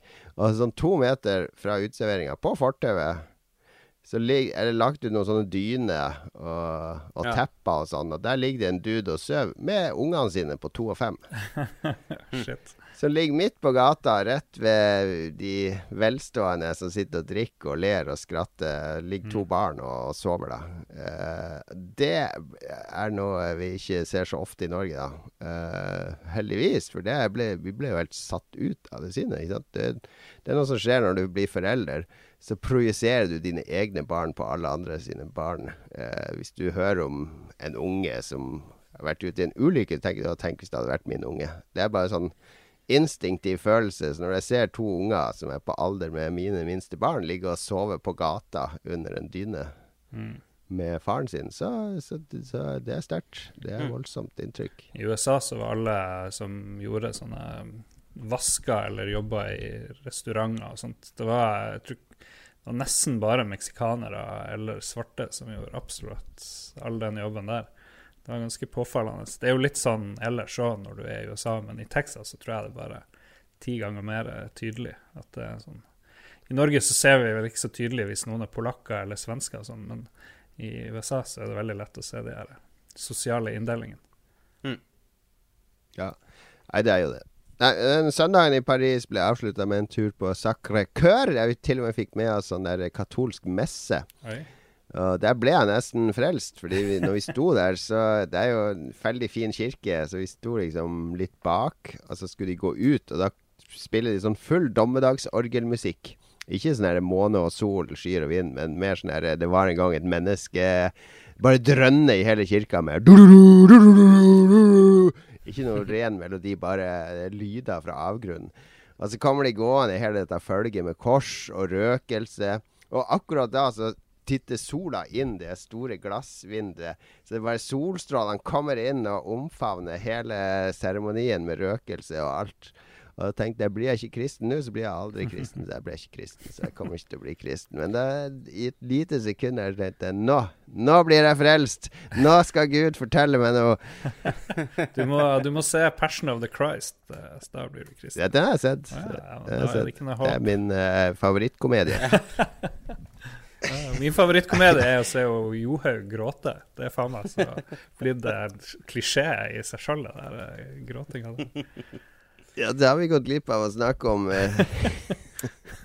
Ja. ja, er hun skyldig eller ikke? Hva- Skal vi ta en kjapp avsporing fra reisen? I, Hun har jo uh, brukt et uh, ulovlig stoff, så hun er jo skyldig i å bruke det stoffet. Ja. Da har vi Så det er jo ikke Det er vel eh, ferdig det? snakka der, er det ikke det? Ja, jeg er fornøyd med det. Send henne i fengsel. Lock her up. Så, nei, men vi kom oss hjem. Eh, veldig bra tur til Paris. Jeg anbefaler alle å ta en tur til Paris, for det er en by med en helt egen identitet. Og det er ikke sånn at den er full av sånne snegler og froskelår og sånn. Det er en godt spenn i, i maten du får, og i tilbudene. Men, Men veldig er jo- dyrt. Jeg er sjokkert, Jon Cato, over uh, hva du valgte å spise. Med ribs og sushi og eh, Hva var det du spiste første dagen?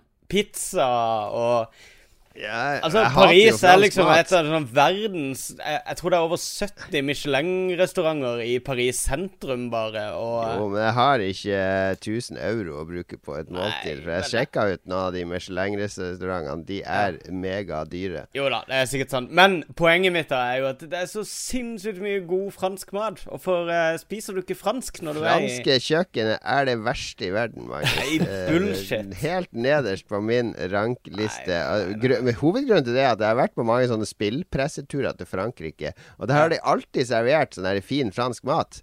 Og da står vi en hel gjeng med folk oppfostra på pizza og burger, og, og ser på denne kalde fisken som er rappa inn i noe grønn gugge. Ja, men sushi, hva er det for noe, da? Et eller annet på topp. Det er flambert et eller annet på toppen, og vi aner ikke hva vi dytter i oss. Og det ene er verre enn det andre. Så jeg, eh, jeg spiste vi- Det var fransk mat på den restauranten vi var på på fredagen. Ja. Det var ordentlig fransk mat. Det var blekksprut og, og Ja. en del trøffel og litt sånne ting. Mm. Og det, det er godt, det òg, da, men, eh, men det interna altså I storbyer så har, finner du jo internasjonale restauranter av toppklasse innen alle kategorier.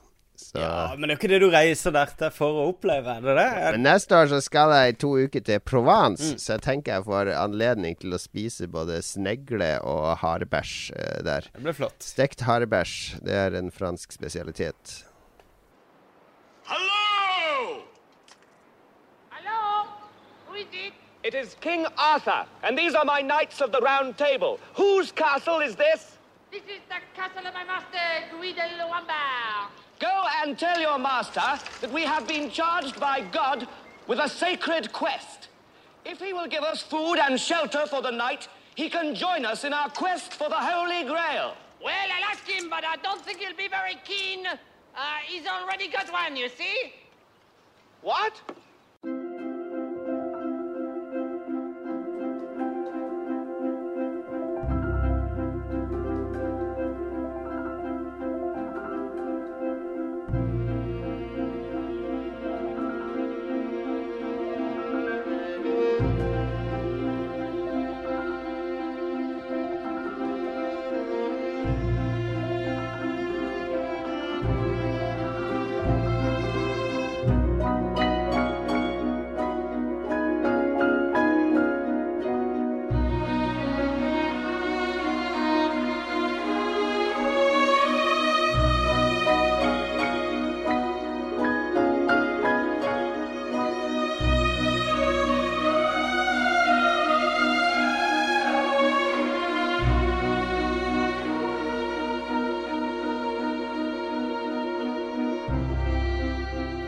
Da er vi nærmere oss slutten. Eh, Det blir eh, sånn halvlang episode dette, men det har vært så lenge siden sist. Vi har ingen lytterbrev denne gangen. Eh, Vi slutter Vi må jo snakke litt om hva vi har spilt i det siste. Fordi når det har vært sånn tre uker Det er, det er to uker siden forrige episode. Tre, nesten.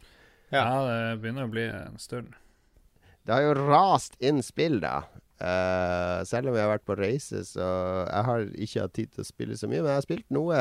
Magnus, du har vel spilt alt som har kommet? Jeg har spilt uh, faktisk en del forskjellige ting. Um, Vi glemte å eh, snakke om uh, Smash Bros-turneringa du var med på. Ja, fortell om den. Men har vi ikke Nå tror jeg vi har brukt rundt en og en halv time på bare å snakke om turer her. Skal vi OK, OK. Vi okay, kan ta spill. Vi kan spare det. Um, men uh, jeg har faktisk uh, spilt uh, Endelig så har den der Steam-linken min blitt tatt i bruk. Denne her som lar meg spille Steam-spill på TV-en og lyd på anlegget.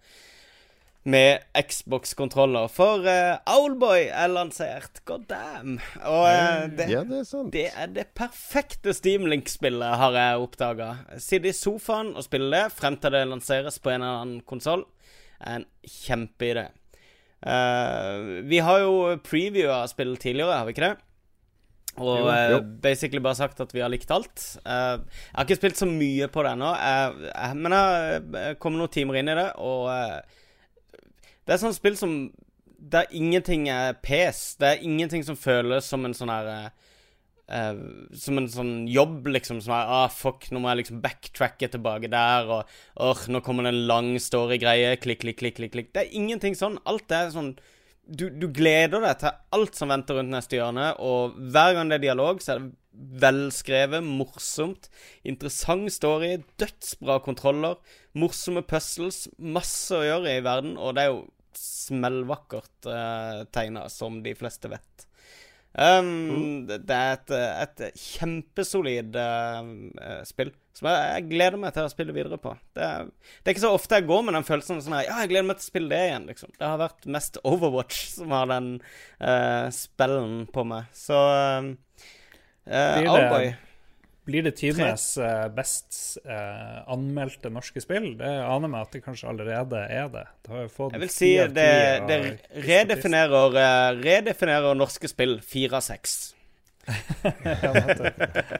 Ja, bra nei, det, det er Jeg vet ikke. Um, jeg har sett mange sammenligner med uh, Det var vel Var det game.no som sa at det var det største siden Den lengste reisen? Um, jeg syns det er et mye kulere spill enn Den lengste reisen, for å være helt ærlig. Jeg er ganske glad i uh, peg og klikk-spill.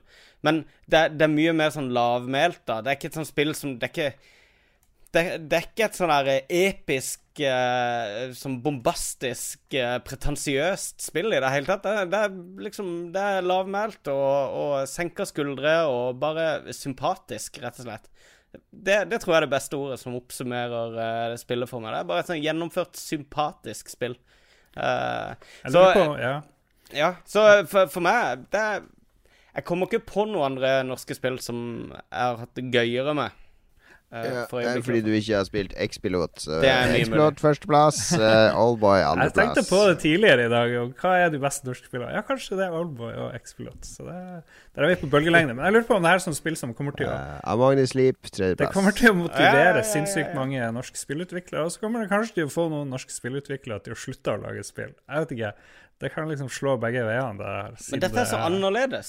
Det, Ja. det føles så annerledes enn en det meste av det som kommer av norske spill. Eller sånn, Det tar ikke seg sjøl så veldig seriøst, føler jeg. Og, øh, og det gjør jeg føler veldig mange norske spill har liksom De har ofte en sånn her sånn dyster setting, eller de prøver å fortelle en sånn dritstor story, eller Du tenker på spyspillet Egg nå?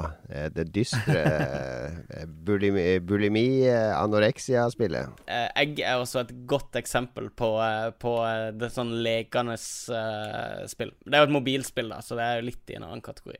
Det har jeg også for øvrig spilt, og liker kjempegodt. Mm. Skulle gjerne hatt det med kontroller, da. Det er eneste Egg? Det er jo, ja. Det funker veldig mobilen? overraskende bra på mobilen, men liksom Plattformspill går egentlig ikke an å spille på teppeskjerm. Nei, men det, det funker bra til hva de prøver å gjøre, syns jeg. Mm. Men eh, ja. Gratulerer til uh, Dpad eh, på Askøy, som eh, eh, Postkassa deres uh, bare full av fanbrev og dollarsedler fra Steam nå, tenker jeg. Uh, veldig Ja. bra mottakelse av spillet i pressen. Og, og tror det er 98 har de user score på Steam, som er Oi. eh, fenomenalt høyt. Og det ligger også på topp over mest solgte spill på Steam nå. De er veldig høyt på, eh, på sånn use Nei, på sånn ordentlige reviews også, på Metacritic. Ja, er ja, ja. Det er 91 eller noe. Så det er uh, Det er uh, ni års slit. Endelig fått betalt. Nå kommer uh, Nå kommer etterfødseldepresjonene. Ja, ja. Pass opp for de. Eh, Lars, da. Har du eh, fått spilt noe mellom ett, før, etter eller under Austin? Mhm. Jeg har spilt en del litt forskjellige ting, men jeg spilte den rake motsetningen av litt sånn lett og, og lystige Eller det er vel ikke så lystig Alboy, men, men hvor det ikke er noe press og du kan utforske og styre på. Jeg har spilt XCOM 2, som jeg bare skjønner at jeg mangler litt skills eh, på denne her sjangeren der, for det er så sykt vanskelig. Jeg spiller på ikke letteste vanskelighetsgrad, men den der eh, normal-greia, eller hva nå enn det er for noe. Jeg blir så drept konstant hele tida. Vilt morda. Så jeg liksom begynt å hate spillet litt. Men så er det veldig gøy når man klarer brettene. Men fy faen, det er XCOM 2, altså. Jesus Ja, det er brutalt. Men det er så ja. bra. Ja, det er veldig bra, men så er den nedtellinga, og den bare Den fucker med meg. Det, det liker jeg ikke, altså, egentlig. Jo, men det er fordi du har sånne PC Master Race-folk som gjerne Jeg skal flytte alle ett skritt frem. Eh, OK, ny runde. Ett skritt til. Så alle- Nei, alle må gå Ja, der er fiende! Yes, vi står klar! Alle, alle går samla, sånn at du til slutt så surg-rusher du eh, fienden og vinner. Ja, det er eh, game- game-breaking-ting, det der. Hvis, du kan jo spille gamle sånne spill sånn, og det, det er ikke noe gøy, men, eh, Ja. men ja. Men ja, ja. Og så er det litt sånn her choppy grafikk. Det ser jo ganske 2012 ut, denne grafikken, spør du meg. Det er Men, veldig det, pent på PC. Ja, det er ikke pent på PS4 standard, altså. Det er ugly as fuck. Men det er jo ikke så viktig. Oi, da. Men jeg skulle gjerne ønske at det ikke hakka hele tida. Det hadde vært gøy. Ja, det blir sikkert optimalisert etter hvert. Ja, det var, det var jo ganske tungt på PC, og det tok lang tid før det kjørte smooth der. Og jeg husker i starten var mange som klaga Mm. før de optimaliserte litt. Det sant, det. Men uh, ja, det er jo et veldig kult spill. Et av mine favorittspill fra i år. Ja, jeg er enig. Jeg er. Definitivt. Har dere noen gode tips forresten til en som sliter i uh, XCOM 2? Get good. Jeg husker å bruke snipe. Snipere da er viktig. Mm. Plasser de opp og høyt, og så rykker du fram. Og så kan du komme etter med sniperen når du har åpna en del av kartet. Okay. Uh, shot, shotgun og sniper funka bra for meg som kombo. Og det er, altså, bare sånn generelt XCOM-tips er at det er bedre å ikke bruke begge rundene sine på Eller, for du kan jo enten så kan du gå et sted og så aktivere en action, eller du kan gå dobbelt så langt ikke sant, i løpet av en runde. Eh, det er lurt å bare være tålmodig nok og ikke gå så langt du kan, men heller alltid avslutte en runde med at du setter på sånn eh, eh, Er det Overwatch? Ja. Eh, der du står klar til å skyte de som kommer rundt hjørnet. Um, Godt Ja. tips. Ja, jeg skal gi rapport eh, neste Yeah. uke hvordan det går.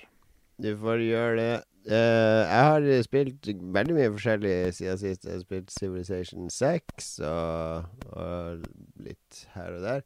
Men eh, jeg, jeg har spilt mye PlayStation VR, for det mm, har jeg hatt hjemme nå et par uker.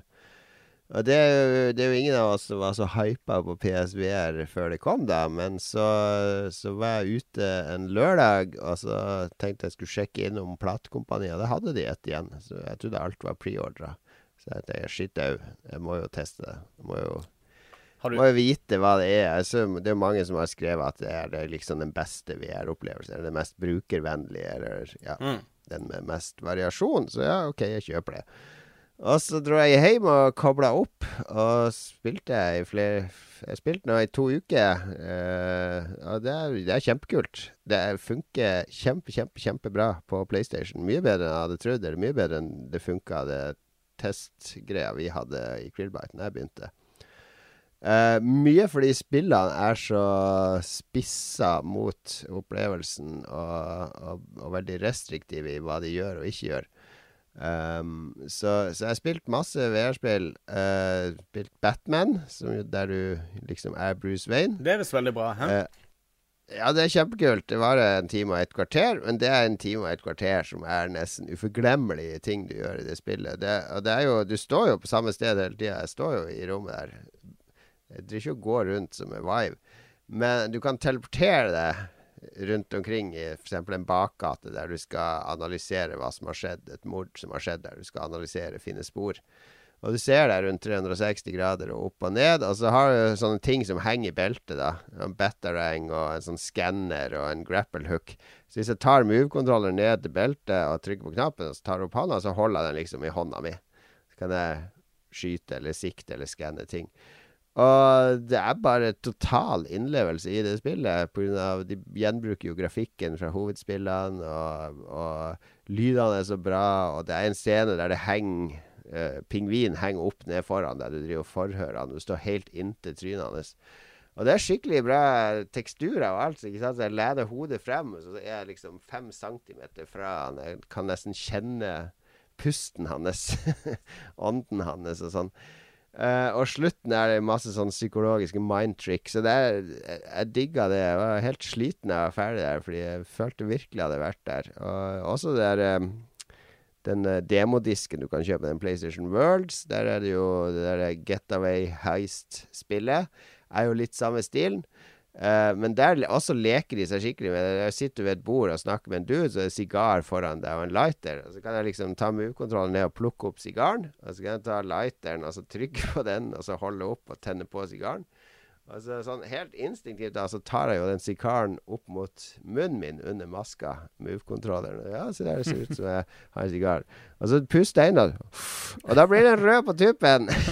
OK, så tar jeg bort sigaren, så blåser jeg ut. Da kommer det røyk foran øynene mine. Jørn. Fordi jeg, ja, den tok jeg jo bort mikrofonen. Sorry. Der kommer det røyk foran øynene mine. Så jeg bare Fordi det er jo en mikrofon på headsetet. Mm. Så i, Det er et annet spill òg, der ute, er et monster. Så hvis du brøler, så brøler monsteret i spillet og sånn. Så, så bare sånn kjempelekne ting som, som bare får deg til å le høyt. Fordi det er, det er bare ja, morsomt. Og i det Get High-spillet òg, så kjører du jo en sånn bil i en Hollywood-scene der du er passasjer og skal drive og strekke meg ut vinduet og skyte bak og lade pistoler. Og veldig, veldig, veldig gøy. Uh, nesten alt jeg har prøvd, har innfridd. Til og med det Tanks-spillet, Battlezone Det ser jo sånn. jævlig bra ut. Eh, ja, det er kjempegøy å spille. Det er ikke så mye tiltak som å spille Vive. Du må selvfølgelig drive og kalibrere, eller ta den på deg og alt det der. Thumper, musikkspillet laga av et par ex-Harmonix-dudes, som er en sånn blanding av horror og, og rhythm action, det, det er også sånn som, som uh, er en påkjenning å spille i VR, fordi det blir så intenst, men utrolig deilig også. Så jeg har blitt litt sånn VR-frelst. Jeg må innrømme det. PlayStation VR er mye moro. Og den gratis, den Playroom-spillet som du kan laste ned, har masse multiplayer-spill der én er i VR, og de andre spillerne sitter og ser på TV-skjermen. Som er noe som de andre VR-systemene ikke har laga i det hele tatt. Og da plutselig VR er jo egentlig veldig introvert. Du lukker deg jo bort i din egen verden. Men da plutselig ble VR-opplevelsen sånn typisk sånn PlayStation Sony-trekk å klare å gjøre det. Å få det til å bli en sånn sosial greie. Har du prøvd det der Eh, RES-tingen?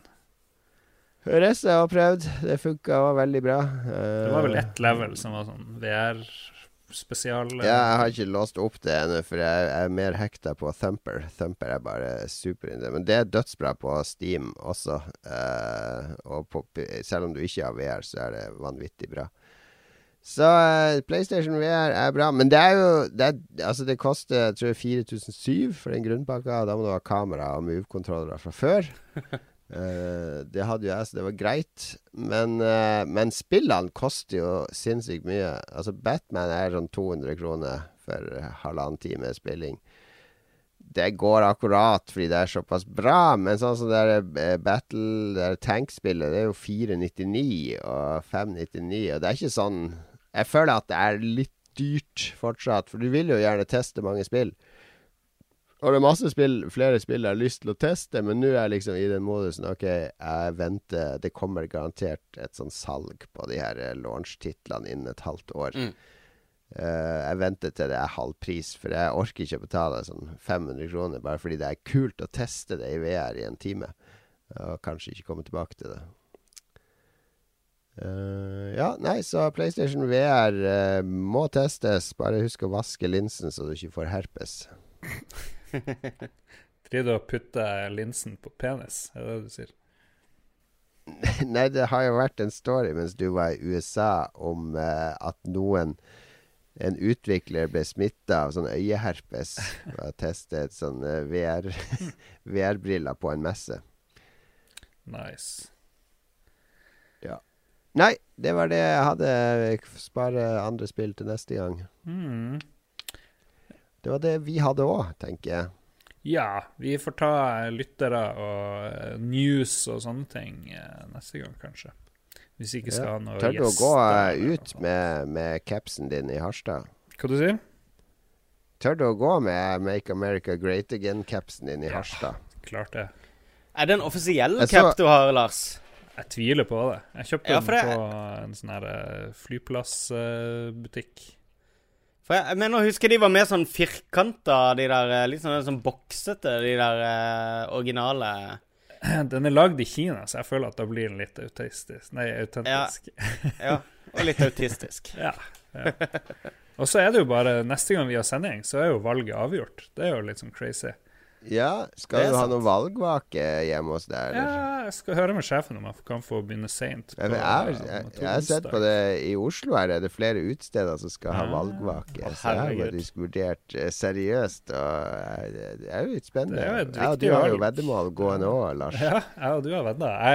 Jeg blir jo tape 2000 hvis Trump blir valgt som president. Jeg skal ned og spise, skal ned og spise gratis taco på, eh, ned på Jernbanetorget dagen etterpå, tenkte jeg. Hvis, eh, hvis Trump taper. Hvis, eh, hvis Hillary vinner. Så er det gratis taco. Da skal de dele ut gratis taco. Ja, den der eh, tacosjappa som ligger eh, rett ved eh, Ligger eh, Hvor blir det? Rett ved Arkaden. I Oslo sentrum. De har Ja, ly uh, lykke til med det, kan jeg si. For det var et sånt sted på Grønland som delte, åpna noe som delte ut gratis milkshake. Ja. Eh, Det var 500 stykker i kø når det åpna. Nei, nei, ta Bare det for å få en gratis milkshake. Ja, jeg har ikke tenkt å stå der når de åpner. Men uh, Nei, men da, da, da må du stå i kø.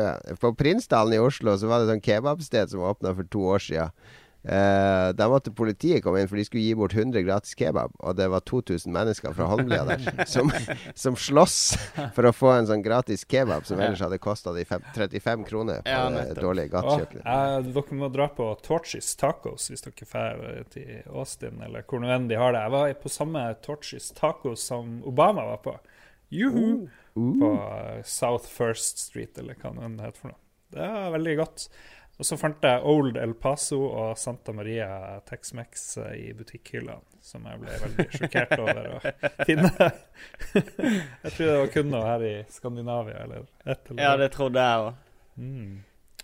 No. Worldwide. Worldwide, All right, vi gir oss uh, for denne gangen. Vi håper du ikke har kjedet deg for mye i våre What? reiseskildringer. Vi er ingen Erik Diesen, noen av oss, uh, bortsett fra eh, Bortsett fra ingen av oss. Et Lars tror jeg liker Nei, Magnus tror jeg Ja, jeg tror Erik er det. Når han reiser. Vi må sende han ut og Sørlandet. reise. Skal vi på havet? I båten? Skal på Lopphavet. Flott. Lopphavet. Vi, du vet hvor du finner oss. Uh, vi lover at det kommer en ny episode neste uke. Det må jo nesten bli en valgspesial. Kanskje vi skal spille Oi, oi, inn oi. på onsdagen, dagen etter valget. Ai, ai, ai, det høres ut som Når det er friskt i minnet. Da har jeg vært i Eh, Kristiansand, faktisk. Den reiser jeg i morgen. Ja, da har vi uh, Drunk Travel Stories fra Kristiansand. Oh Yes. shit. Oh shit. Ja, folk må Det følge oss på Facebook, og så må de gi oss stjerne og sånn her på iTunes. Join the iTunes, gi oss ditt og datt. Tips en venn, osv. Vi er litt dårlige på rekrut Ja. rekruttering. Jeg tror vi er Vi er Enten har vi nådd eh, toppen som uh, podkast, Eller så eh, har vi begynt på ned, nedturen. vi får se. Vi lå i hvert fall uh, skjerpe oss når det gjelder produksjon. Og det kommer også en Sidbua før jul. Det kan alle glede seg til. Takk for i dag, og ha det bra! Ha det! Hei da.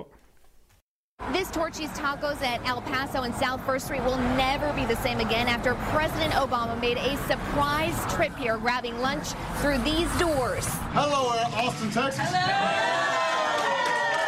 A huge round of applause for the president right when he walked in.